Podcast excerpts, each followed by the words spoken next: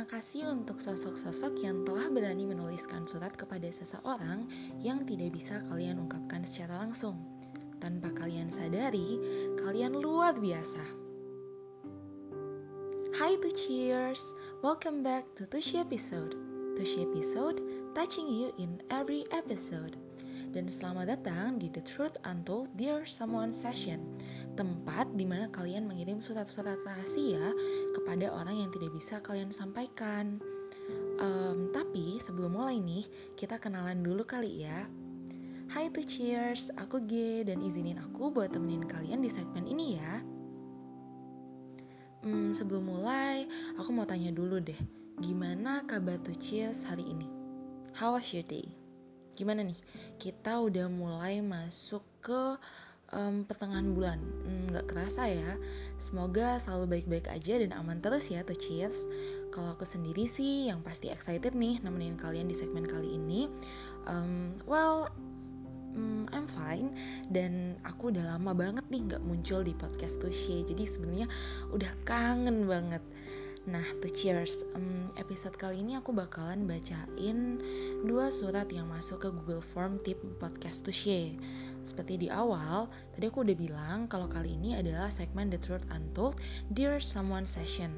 Hmm, yang berarti surat yang dikirim itu bertujuan untuk orang lain, tapi nggak berani diungkapin secara langsung. Dan surat pertama kali ini menarik nih. Suratnya datang dari pacarnya Jungkook. Waduh, itu mah aku sih harusnya ya. Oke, okay, um, langsung aja kali ya aku baca. Aku udah penasaran banget sih isi suratnya. Dan pasti itu cheers juga kan. Oke, okay, jadi hmm, teruntuk kamu yang telah mengirimkan surat ini, terima kasih ya sudah berani untuk mengungkapkan perasaanmu. Dan aku mau izin dulu nih sebelum bacain surat kamu di segmen kali ini.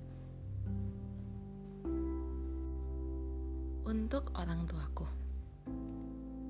terima kasih sudah melahirkanku. Aku bersyukur banget punya kalian. Tapi di sisi lain, aku sempat benci kalian dulu. Kalian sibuk banget, nggak pernah ngasih perhatian ke aku, nggak pernah ada waktu buat aku. Semua prestasiku selama ini buat kalian tuh nggak hmm, pernah diapresiasi pencapaiannya. Aku pulang malam dan lain-lain cuma butuh perhatian kalian dari dulu. Tapi ternyata kalian malah ngebebasin aku. Kalian gak pernah ikut campur dalam jalan hidupku. Mau aku sekolah di mana, mau aku berteman dengan siapa, mau aku pergi dengan siapa. Kalian gak pernah nanya. Jadinya maaf kalau aku sangat tertutup dan malas ngobrol dan lebih suka di kamar terus atau malah nginep di rumah temen ternyata punya orang tua yang ngebebasin banget tuh nggak enak banget jujur. Aku serasa nggak punya arah tujuan hidup karena aku nggak tahu apa yang sebenarnya orang tua aku harapin dari aku. Dan aku semakin benci kalian berdua karena kalian berdua tuh selingkuh. Aku sakit hati banget dulu pas tahu foto kalian jalan sama selingkuhan kalian masing-masing. Chat-chatan mesra telepon-teleponan mesra dan lain-lain aku semakin benci. Ternyata kalian gak perhatian sama aku gak hanya karena bekerja toh, tapi karena nyenengin diri sendiri dengan perbuatan bejat itu. Kalian tahu gak? Pas aku kecelakaan dulu, pas SMA kelas 2, itu aku mau mencoba bunuh diri. Aku capek banget sama keadaan keluargaku aku nggak sanggup banget hidup di tengah keluarga yang rasanya nggak punya keluarga. Kalian bahkan nggak tahu apa yang terjadi sama aku selama ini. Kalian tahu nggak kalau aku dibully dari kelas 1 sampai 6 SD? Kena body shaming sampai sekarang, plus bullying lagi pas zaman SMP SMA. Dan kalian tahu nggak?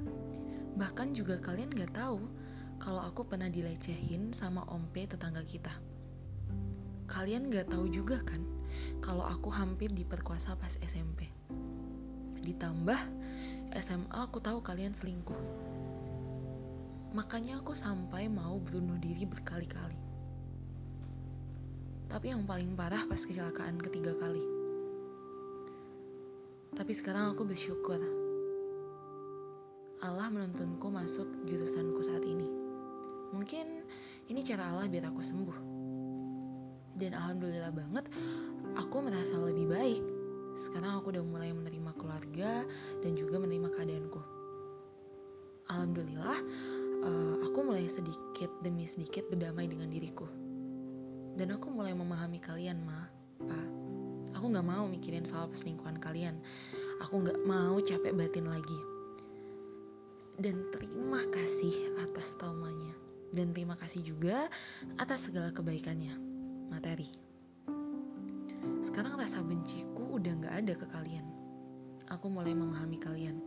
Aku tahu um, kalian korban pernikahan dini yang gak ngelewatin masa remaja dan gak ngerasain pacaran dan malah ngurusin anak alias aku. Makanya kalau sekarang kalian malah selingkuh, aku paham kok. Pasti berat juga ya jadi kalian. Aku sampai nangis loh kalau ngebayangin di posisi kalian. Kalian hebat banget bisa ngidupin aku dan adikku sampai sekarang. Tapi maaf, mah, pak, kayaknya aku sekarang masih belum kepikiran buat nikah. Karena aku masih punya trust issue. Makasih ya udah gak maksa aku buat nikah muda. Selama aku hidup, aku pengen banget cerita ini ke kalian. Tapi kayaknya gak mungkin. Aku terlalu canggung, males, dan gak kuat buat bahas hal mendalam kayak gini ke kalian. Dan aku pernah terbuka sekali, tapi respon kalian tambah bikin aku jadi down. Jadi maaf kalau aku jadi tertutup ke kalian dan lebih milih cerita ke psikologku dan sahabat-sahabatku. Tapi lagi-lagi, aku sekarang tetap sayang kok ke kalian.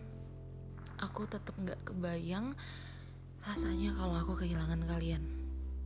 Aku sayang banget ke kalian. Terakhir, aku cuma mau bilang, meski kalian banyak menabur luka ke aku dari kecil, tapi aku tetap berterima kasih banyak dan tetap bersyukur. Terima kasih ya, Ma, Pa. Aku sayang kalian. Mau gimana pun kalian, kalian tetap orang tuaku. Terima kasih, Ma, Pa, sudah membuatku ada di dunia ini. Dan terima kasih diriku karena sudah bertahan sejauh ini.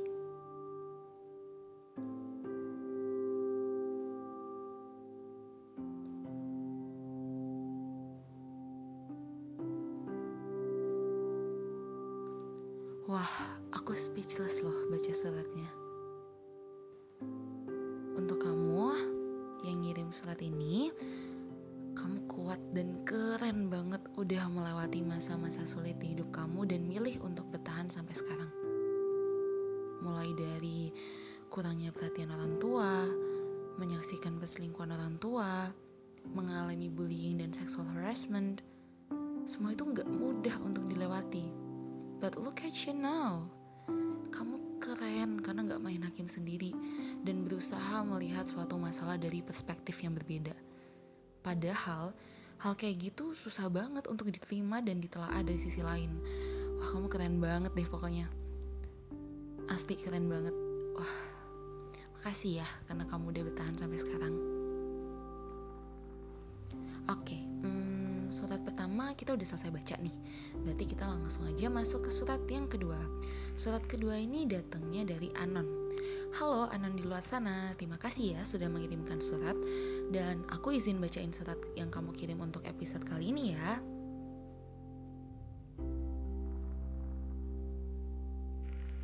Buat mantan temen SMP ku, why you betray me? Mungkin di mata kamu itu bukan betrayal, tapi apanya bukan betrayal kalau kamu ninggalin aku sendiri yang dibully dan katamu kita bakal bertahan berdua. Aku kira kamu meluk aku. Kamu malah ke yang lain geng barumu. Waktu itu yang aku bahkan gak tahu sejak kapan kamu deket sama mereka. Aku berkali-kali ajak ngobrol kamu tapi keringan tapi kamu ngacangin aku. Sampai aku yang masih lugu kelas 7 mikir aku lagi dikutuk invisible buat semua orang atau iya aku dikacangin. You may already forget all of this or even you are not even aware until this day. Tapi tahu nggak? Aku struggle dengan trust issues, fear of abandonment. Akarnya dari sini. People comes and goes. yes tapi harus banget gitu kayak kamu kayak kamu buang aku hempas aku kayak seonggok sampah sampah rokok di tengah jalan lalu aku yang dibully sendirian jadinya dan kamu bebas gitu aja aku berkali-kali mikir apa aku ada salah omong atau apa tapi nggak ada loh. Bahkan ibu kamu aja bingung kenapa kita nggak deket lagi. Aku cuma bingung kenapa kamu ninggalin aku tanpa klarifikasi apa-apa. It made a fatal wound on my heart. It affected most of my interpersonal relationships. Tega banget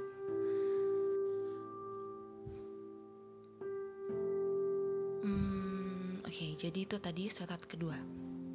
Hmm, betrayal emang sering banget sih terjadi di banyak kalangan. Apalagi di kalangan anak remaja.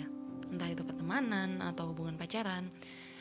Um, well I know people come and go tapi kayaknya kita semua harus dibiasakan mengenal lebih jauh deh apa itu pamit. Karena aku juga ngerasain sih kayak ditinggalin tiba-tiba gitu dan itu nggak enak sama sekali apalagi sebelumnya tuh udah dikasih kata-kata penenang yang kedengarannya tuh seperti janji. Ditambah lagi tuh dijanjiin buat bareng-bareng buat bersama berjuangnya bersama gitu. Tapi malah akhirnya ditinggalin sendirian dibiarin sendirian. Dan hal kayak gini tuh berdampak besar banget buat seseorang ke depannya. Seseorang yang ditinggalin tanpa penjelasan apa pun itu dia pasti bakalan nanya terus ke dirinya sendiri. Salahku tuh apa sih gitu aku kenapa? Ada yang salah? Aku kurang. Dia tuh selalu bertanya-tanya alasannya kenapa dia ditinggalin kenapa dia dibuang. Dan gak cuman itu dia bakalan ngerasain dan ngalamin tes issue karena dia ngerasa semua orang akan memperlakukan dia sama dengan masa lalunya. Orang yang pernah ngianatin dia itu. Jadi buat tuh cheers di luar sana, apa pun itu, berusahalah untuk mengkomunikasikan. Karena komunikasi adalah kunci untuk menemukan secercah cahaya di tengah masalah melanda. Karena aku yakin deh, kalau ninggalin tapi tiba-tiba banget tanpa closure, pasti rasanya tuh nggak tenang banget. Jadi kayak bete diomongin gak sih? biar kita tuh sama-sama lega pihak yang ditinggalin dan ninggalin gitu dan ninggalinnya juga dengan kata pamit bukan dengan tiba-tiba tanpa penjelasan apa pun tanpa pamitan dan bikin orang yang ditinggalin jadi bertanya-tanya aku kenapa? Ada yang salah? Dia nungguin terus jawabannya nyari-nyari jawaban di tempat yang itu tuh nggak ada jawabannya di sana. Dia nggak bakal nemuin jawaban itu di sana gitu. Nah, tuh cheers. Sampai juga kita di akhir segmen. Dan aku mau ingetin ke tuh cheers kalian yang ingin ceritanya diceritakan oleh kami yang mau suratnya dibacakan, boleh banget langsung share cerita atau suratnya ke Google Form yang tertera di bio Instagram Tushi ID karena udah di akhir segmen dan aku juga udah ingetin mengenai Google Form, berarti ini waktunya aku pamitan dulu ke The Cheers. Oke The Cheers, aku G pamit undur diri dan dengerin terus The Truth Untold setiap hari Kamis ya. Sampai jumpa di Tushi episode selanjutnya. Hmm, itu pun kalau aku yang bawain ya. Oke, okay. um, Tushi episode, touching you in every episode. Sampai jumpa. Bye to cheers, stay safe and stay healthy.